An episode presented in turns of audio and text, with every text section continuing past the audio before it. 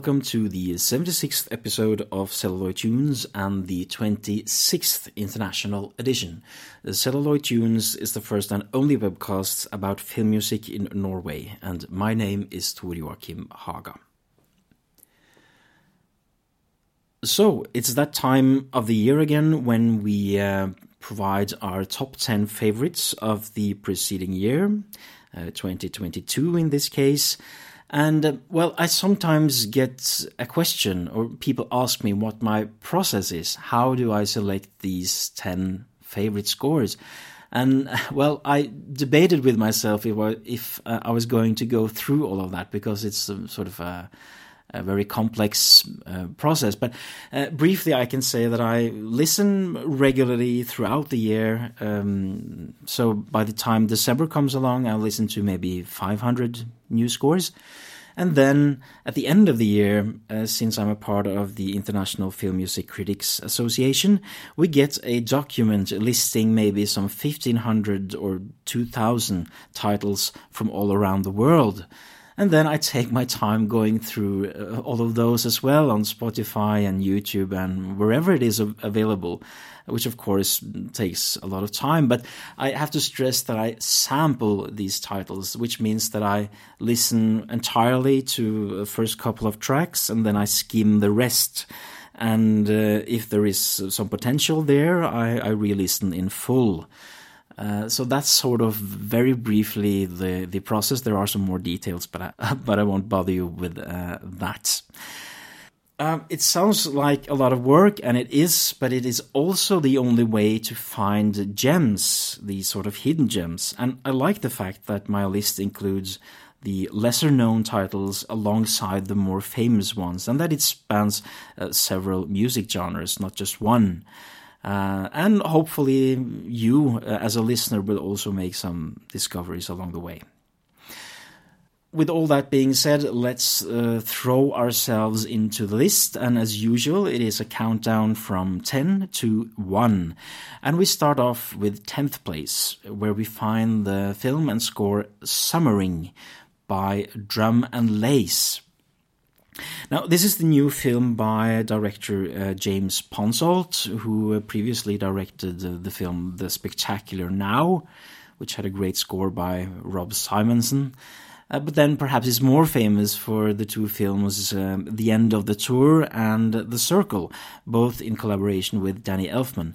In fact, The Circle, uh, an all electronic score by Danny Elfman, is the last score of his that I was truly, truly uh, in love with. I mean, he's done some okay things since then, but that is the last time that Elfman truly wowed me, if I could say that. And uh, that means, of course, that Ponsoldt is quite good at selecting composers to work with, and, and that his films usually have great scores. Now, this film, uh, uh, Summering, is, um, in essence, it's a story molded on Stephen King's novella the body, even though it doesn't say so explicitly, um, which of course was made into the brilliant 1980s film uh, Stand By Me. But this time, uh, we have a group of four young girls uh, who stumble upon a body during late summer and decide to unravel uh, the mystery themselves, the mystery of the, the body. Um, I mean, th- there are some fine uh, albeit digital summer shots in the film, but there is something off with the chemistry, I thought, between these girls, and especially the transition into solving the death uh, themselves. Uh, which isn't quite or entirely motiv- uh, motivated or understandable, uh, in my opinion. So that there is some potential in the film for sure, but it wasn't quite the sort of nostalgic uh, summer coming of age film that I had perhaps expected. However, I really liked the score by uh, Drum and Lace. Uh, and Drum and Lace is a pseudonym for the Italian composer uh, Sofia uh, Hultquist, or Hultquist, as you would say in Swedish who um, has actually done quite a few scores together with her um, husband Ian Hultquist, like the uh, wonderful scores for the television series Dickinson, which we have written about on our site. Uh, in fact, I've also enjoyed some of Ian Hultquist's solo work, like uh, Silicon Cowboys from a few years ago, for example. So these, uh, Sophia and Ian, have been on my radar for quite some time. Sophia, or uh, Drum and Lace, of course, has a background in, in trip hop music and electronica. Uh, but in this score, there isn't so much melody uh, like in Dickinson series, for example. Uh, there are more these sort of bright, uh, shimmering textures in the upper register, uh, along with certain open vocalizations here and there that gives everything a sort of airy, airy quality, a sort of youthful, carefree atmosphere that befits these late summers before school starts up again. And I really like that explorative texture style if it's done well. And uh, I think in this case it, it really is. Um, so uh, let's listen to a couple of cues from uh, the score, two brief cues uh, called Summer Lawns and Laters.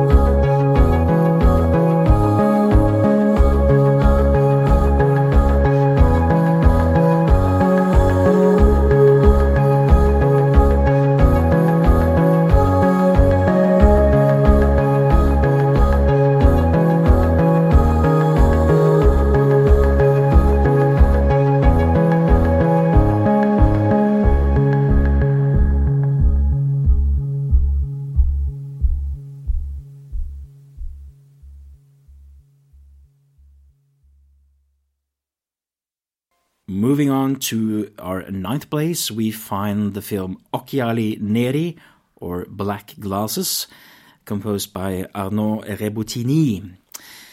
Now, this is the uh, new, uh, long-awaited film by director, legendary director uh, Dario Argento. Um, and I mean, the film is okay. Uh, it does capture some of Argento's trademarks, like the color scheme and, and other uh, giallo uh, elements. Uh, but it also has this sort of weird digital flat look and some other hokey elements that didn't quite go uh, over with me. I mean, he's, he's always had these hokey elements in his films and especially his giallo films, but he's managed to embrace them um, in a different or, or, more lovable way, I would say, than he perhaps does in, in this film. Uh, there was some talk uh, early on that uh, none other than Daft Punk would compose the score for this film. there was um, allegedly a quote somewhere uh, which said that Daft Punk um, had contacted Argento and wanted to work with him. As it turned out, however, it, it was just a sort of quote about admiration, a mutual admiration between the two. There was no formal uh, request to to score the film. And as you all know, uh, Daft Punk disbanded altogether in 2021.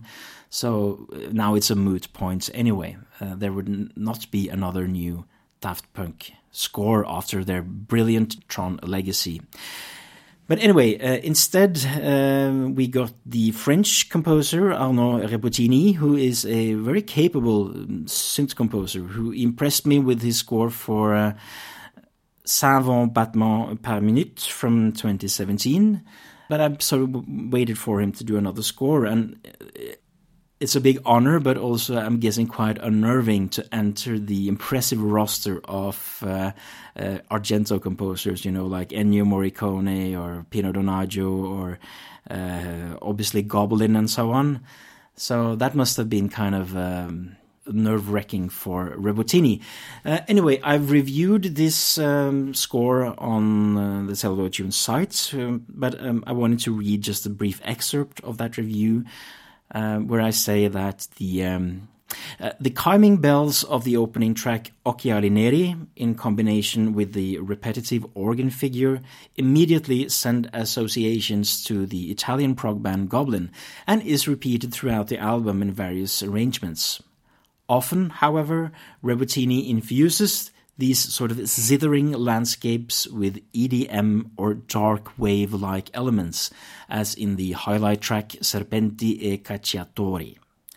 The results of this amalgam are conceptually similar to John Carpenter's Lost Themes albums, the meeting point of dark analog minimalism and fatter contemporary beats and you can read the rest of the review on the uh, site. So let's play at least a selection from that opening cue that I talk about in the review, namely Occhiali Neri.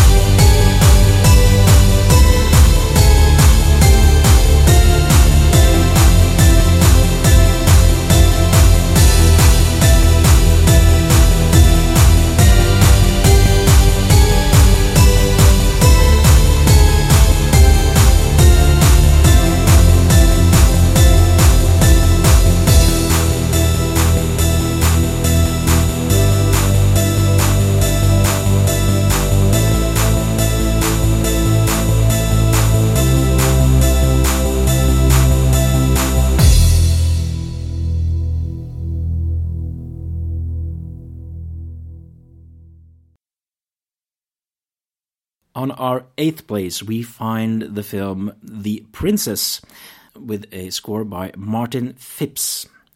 Now, there were actually two films called The Princess in 2022. One of them was a fantasy film, which I haven't seen, and the other was this one, which was a uh, an HBO documentary about Princess Diana. Um, now, there are no talking heads in this film. It's just a combination of archival footage and dialogue from various existing news programs or interviews. And there is nothing new here in terms of the, the, the story of Princess Diana, but there is this sort of energy to the editing style. There is a sort of forward momentum, like the uh, dark destiny that awaits Diana, because this is, after all, a sort of Shakespearean uh, tragedy. And this conflict or duality between, you know, regality on one side, and then you have the turmoil, and then you have a sense of heart as well, um, is mirrored in Martin phipps' score. Now, Phipps has been an impressive composer for years now. I first discovered him with Brighton Rock, but then he's also done scores to things like The Virgin Queen and Victoria. And I suppose if you add The Crown in addition to this film, uh, it seems like he's specialized himself in stories about royal families.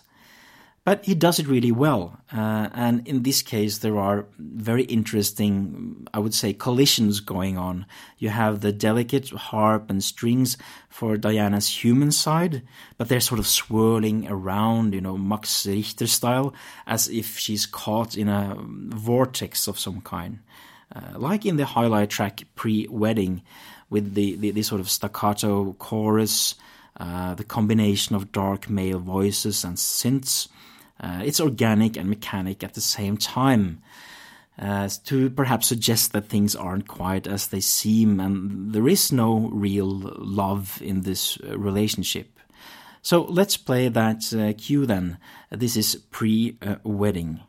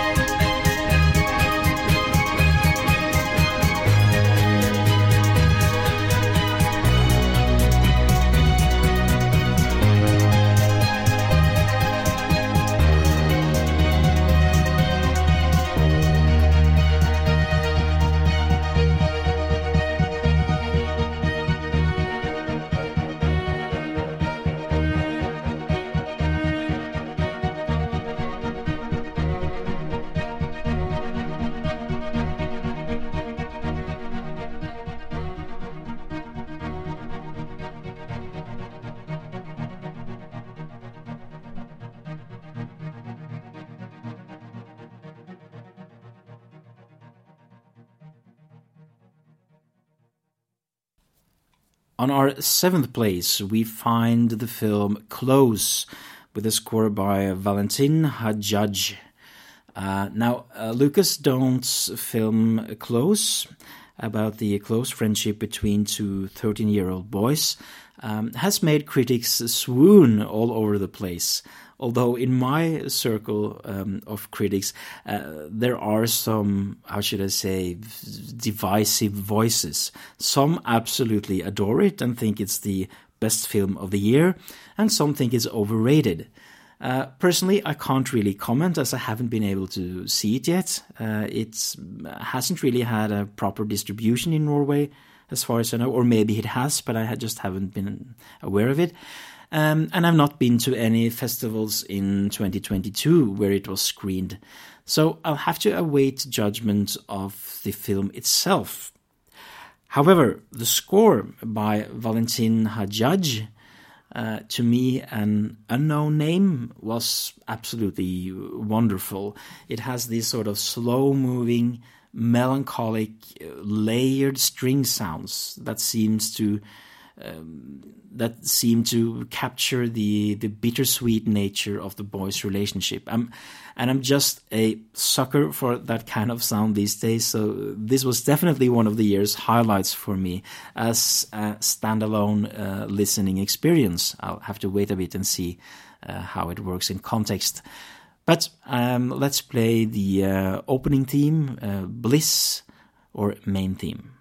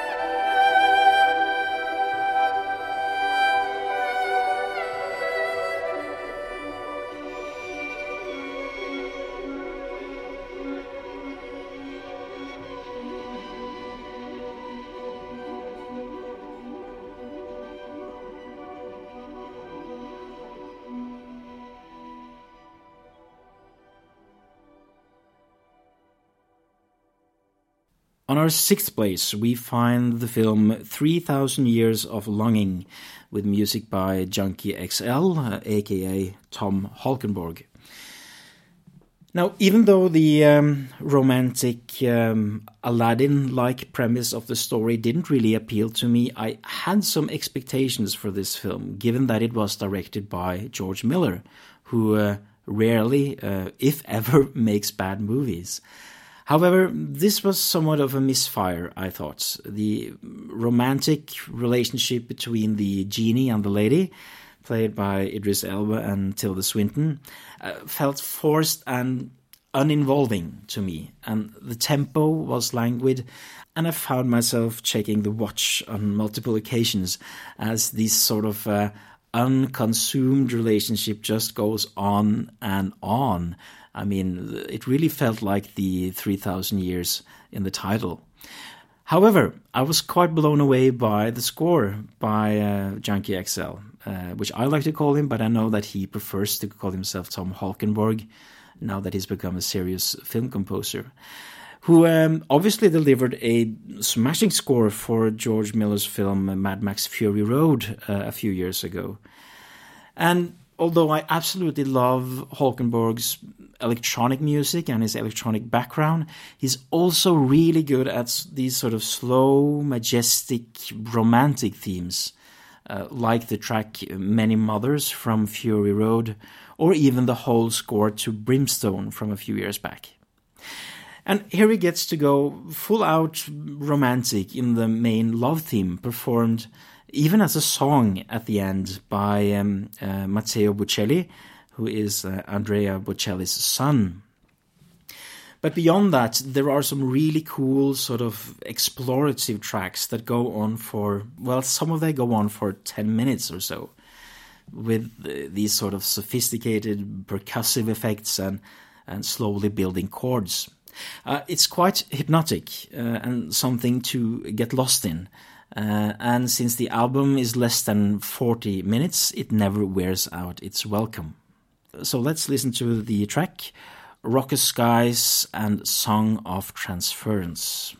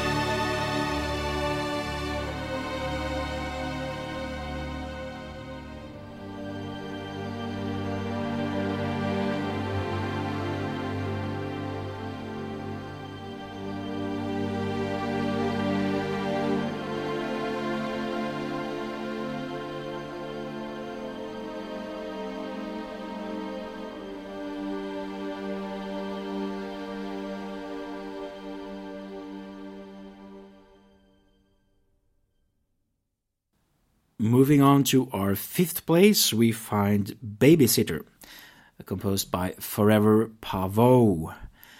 Now, this is one of the gems that I discovered through my extensive walkthrough at the end of the year. Uh, it's a film directed by Monia Chokri, who I believe also star in the film. Um, and I'm going to read the IMDb synopsis, which says After a sexist joke goes viral, Cedric loses his job and embarks on a therapeutic journey to free himself from sexism and misogyny. He and his girlfriend hire a mysterious and liberated babysitter to help shake things up. Now, I have to admit that I'm sort of slowly starting to tire of the Me Too and woke themed films and narratives. Uh, but that wasn't really my main issue in this case. Uh, rather, it was the sort of typical French excessive comedy style with people talking a lot and loudly and fast uh, the rapid editing style, lots of close ups of people with these bulbous eyes and in incessant repetition and on and on It's just not my kind of film. Um, but if it means getting a great score out of it, then I'm all game. And this is one of those cases where uh, a bad film, or at least an irritating film to me, um, gave us a, an absolutely stunning score. Now, uh, Forever Pavot uh, is the pseudonym for the French composer Émile Sornin, a young French musician and a totally new uh, acquaintance to me. And in this case, he delivers this sort of smoking, psychedelic 60s score that would make uh, even Roy Budd proud, I think. There's a wonderful elegance, the smooth melody lines, sophisticated layers of orchestration. It's just the perfect concept lounge album if you disregard uh, the film from which it came. And I think a good example of that is the uh, opening track from the album and the film called Roller.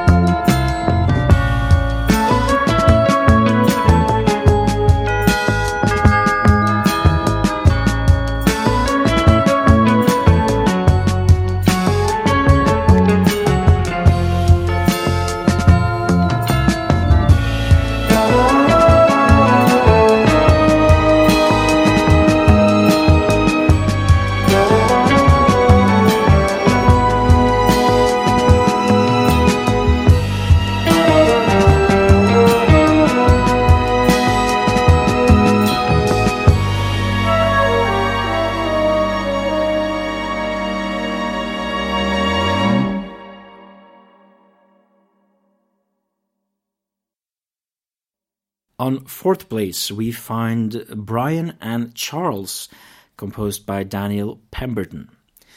Uh, this was another under the radar gem um, that I discovered not at the end of the year, but um, sometime during the summer, I think, uh, by the always eclectic composer Daniel Pemberton.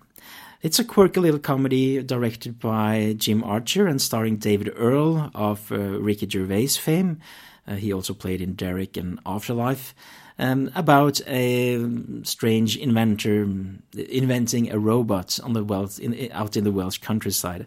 Uh, a sort of uh, meet cute uh, concept, I suppose. I also wrote a review of this score on the site, and I'm going to again quote it just to save myself from unnecessary repetition, where I say, the opening of the album seems to be a, rare hybrid of father and son Jarre.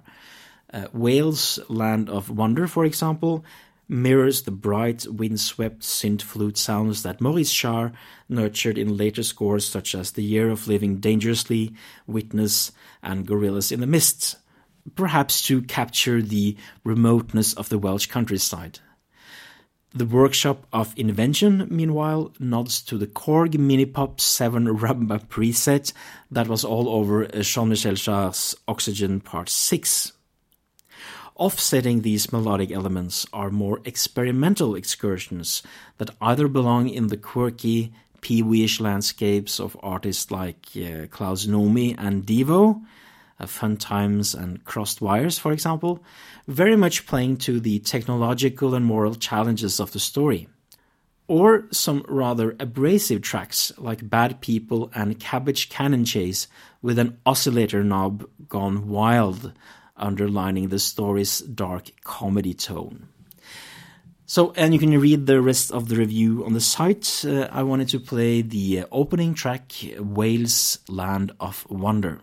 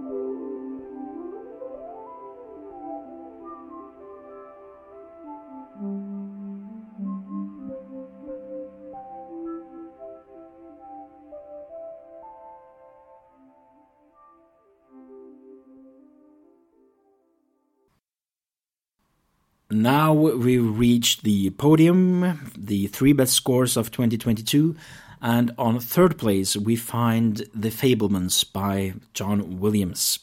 Now, as of this moment, I still haven't seen Steven Spielberg's new uh, self biographical film, which is rather frustrating because I feel like everyone else has. Uh, it's the one film I look forward to the most this year, but I have to wait a few more days until I'm able to see it.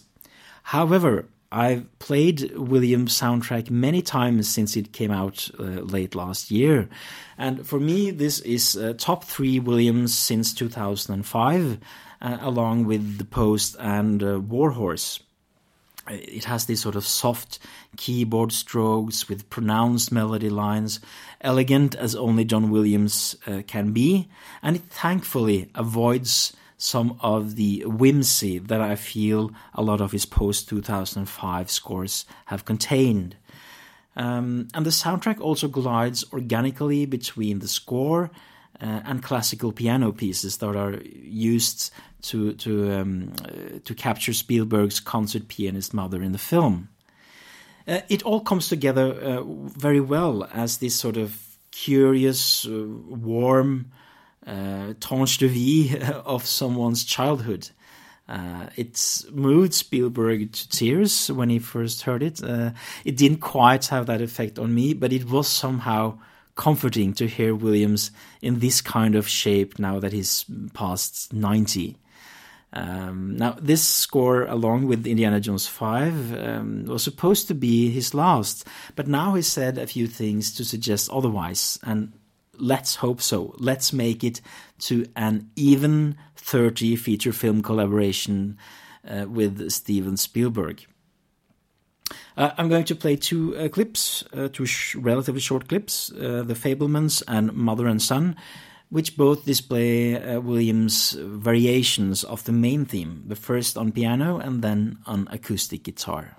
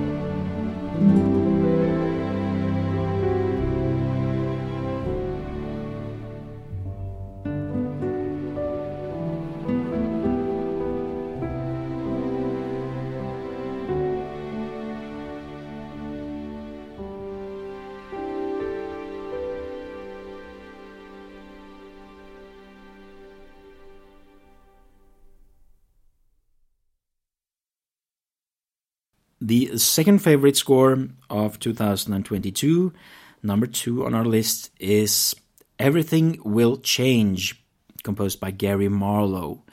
Uh, now, this is an interesting case. Um, you know, I've met Marlowe uh, several times at festivals and such, so we do have a prior connection. But little did I know that he was capable of writing such brilliant, largely electronic driven scores. Uh, um, I should have done my homework, really. Uh, now, this is a relatively under the radar Dutch film, a hybrid of science fiction and documentary highlighting the challenges of climate change and biodiversity, set in uh, 2054 uh, and featuring a cameo of uh, Wim Wenders, no less. Now, I've not been able to see it, but it sounds tantalizing. Now, Marlowe, who operates out of his studio in the Alps, uh, has crafted a score that pays homage to to Pink Floyd. Um, for example, it prominently features the submarine signal sound from Echoes, uh, you know, the track on Meddle, uh, but also to psychedelia and other vintage electronic composers. Uh, which is absolutely fascinating. I, have written a review of this one as well, and I'm, I'm going to quote uh, again. Uh, the score is, in general, a delightful journey through various styles and idioms that have defined classic electronic music over the years, from the theremin onwards. There are some tangerine dreamlike sequencers in A Fellowship of Rebels, and while I'm unable to hear any of Vangelis' trademark uh, Yamaha CS80, the glockenspiel like chimes of Fairy Tale Suite send associations to the late composer's Missing. This is, however, more than just a disparate pastiche. Marlowe often adds elements of slightly contemporary grit to the tracks, like twangy electric guitars, fuzzy oscillation, ambient echo effects, or even acoustic elements. So uh, that was just a brief uh, snippet of the review, which you can read on the site. Um, and I'm going to play the track End of an Era that displays some of these elements.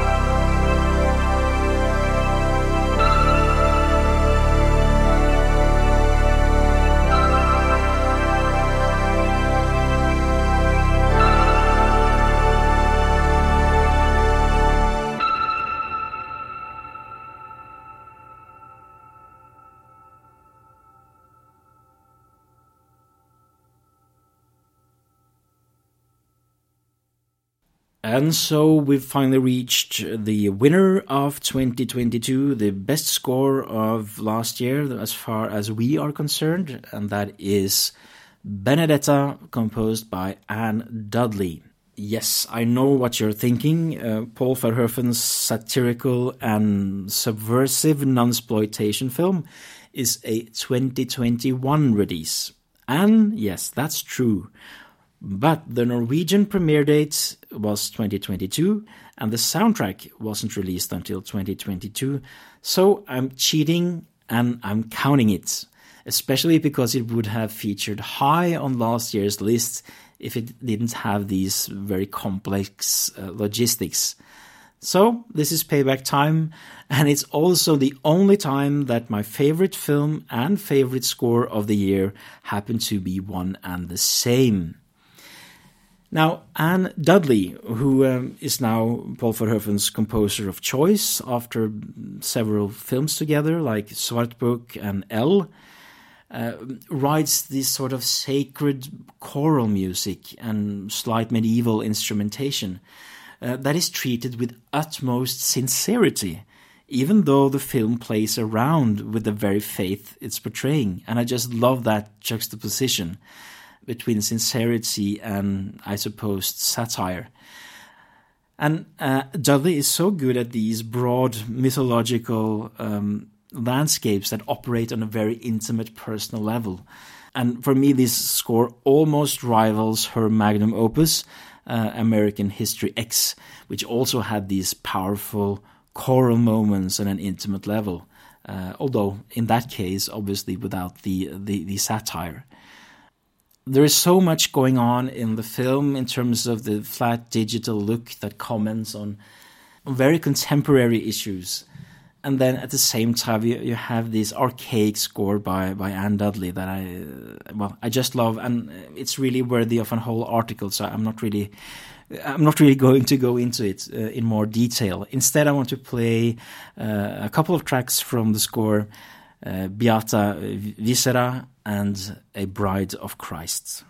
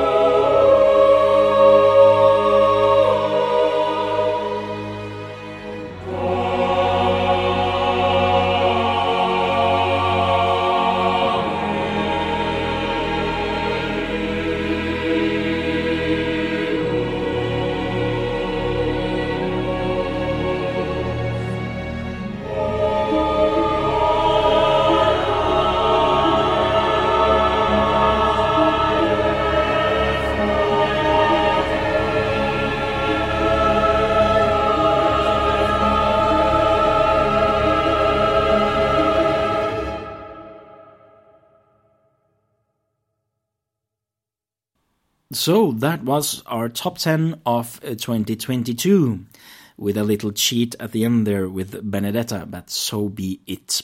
Of course, I also have to mention some uh, runner ups, which we always do, um, titles that were very good, uh, that almost made the list, uh, but that didn't in the end. And I'm just going to read the titles of those scores. They were Le Temps des Secrets by Philippe uh, Rombi, Firestarter by John Carpenter and Company, The Survivor by Hans Zimmer, The Sun by Hans Zimmer, Le Dernier Piano by Gabriel Yared, Bodies, Bodies, Bodies by Disasterpeace, Last Film Show by Cyril Morin, She Will by Clint Mansell, Redeeming Love by Brian Tyler, Evolution by Dascha Dauenhauer, Blueback by Nigel Westlake, Live is Life by Manuel Riveiro, The Conversation by Dalibor Grubačević, Fucking Bornholm by Jerzy Rogiewicz, La Vida Chipén by Paloma Peñarrubia, and I Love You or AI Love You by Roman Molino Dunn. And you might ask, where is Avatar The Way of Water by Simon Franglen? And, uh, well, I didn't really want to end this episode with, with sour grapes, but there is a long argument for why that score isn't on even the list or the honorable mentions. I suppose I have to say something about that since it's such a, a landmark film and score. So, James Horner passed away in an airplane accident, as you all know. So, what should James Cameron do uh, now that he was working on a sequel to Avatar? In my opinion, he should have turned to another James, namely James Newton Howard, who has written some brilliant music in that sort of ethereal new age meets orchestral style over the years. If you listen to a cue like Swimming from Waterworld or the Crystal Chamber from Atlantis or The Egg Travels from Dinosaur, he would have been the ideal composer for this film. Even though James Newton Howard has been very uneven the last 15, 20 years, when he's worked with a visionary director, he has done some inspiring things, like A Hidden Life for Terrence Malick, for example, which was the best score that year. So that should have been the outcome. Instead, uh, James Cameron turns to uh, composer Simon Franglen, who in a way makes sense because Simon Franglen was uh, James Horner's assistant and synth programmer, uh, and he's he's worked on Horner projects like completing The Magnificent Seven after Horner's passing, or uh, even writing music for the uh, Pandora or Avatar theme park attraction. However, just because you've worked with Horner doesn't automatically mean that you capture his sound or that you are a composer at the same level. And James Newton Howard would have been a composer on the same level. Simon Franglen is not. He hasn't really impressed me so far with, with any of the things that he's done. But so, uh, what we now get uh, is a very uneven score what I did like about Franglen's score for Avatar The Way of Water was when he referenced James Horner, James Horner's DNA, either in direct quotes of his themes or in the instrumentation, especially when you go underwater and you have these, these world music or, or, new age elements, which were okay. Uh, they were not spectacular like in Horner's case, but they were okay. What was not okay was the action music, which uh, reverted back to very contemporary tropes, uh, pounding ostinati, chords that are more like sound effects that go in one ear and out the other. I just find it completely uninteresting, and there's a lot of it in the film. So, what I have done is to program the overlong um, soundtrack CD into a 45 minute playlist that only, uh, well, almost only contain the um, contains the, the the sort of ethereal new age elements, and there's one action track, and that way I can appreciate the score. Um, however, it was not enough for it to enter my my lists. so that was the Avatar diatribe that I did not expect to include in this podcast, but that I, that I now have anyway. Uh, by the way, I should point out that I found the film absolutely amazing. Avatar: The Way of Water is my second favorite film of the whole year. If you disagree with me, uh, any of my choices or any my opinion of Avatar and Franglen's music, just write some comments in the comments field. Uh, uh, and of course, I would be even more thrilled if you share the the episode in your social media. Anyway, the next episode will be about the Norwegian film music year 2022, and it will be an episode in a Norwegian. Uh, but until then, I wish you all happy uh, listening.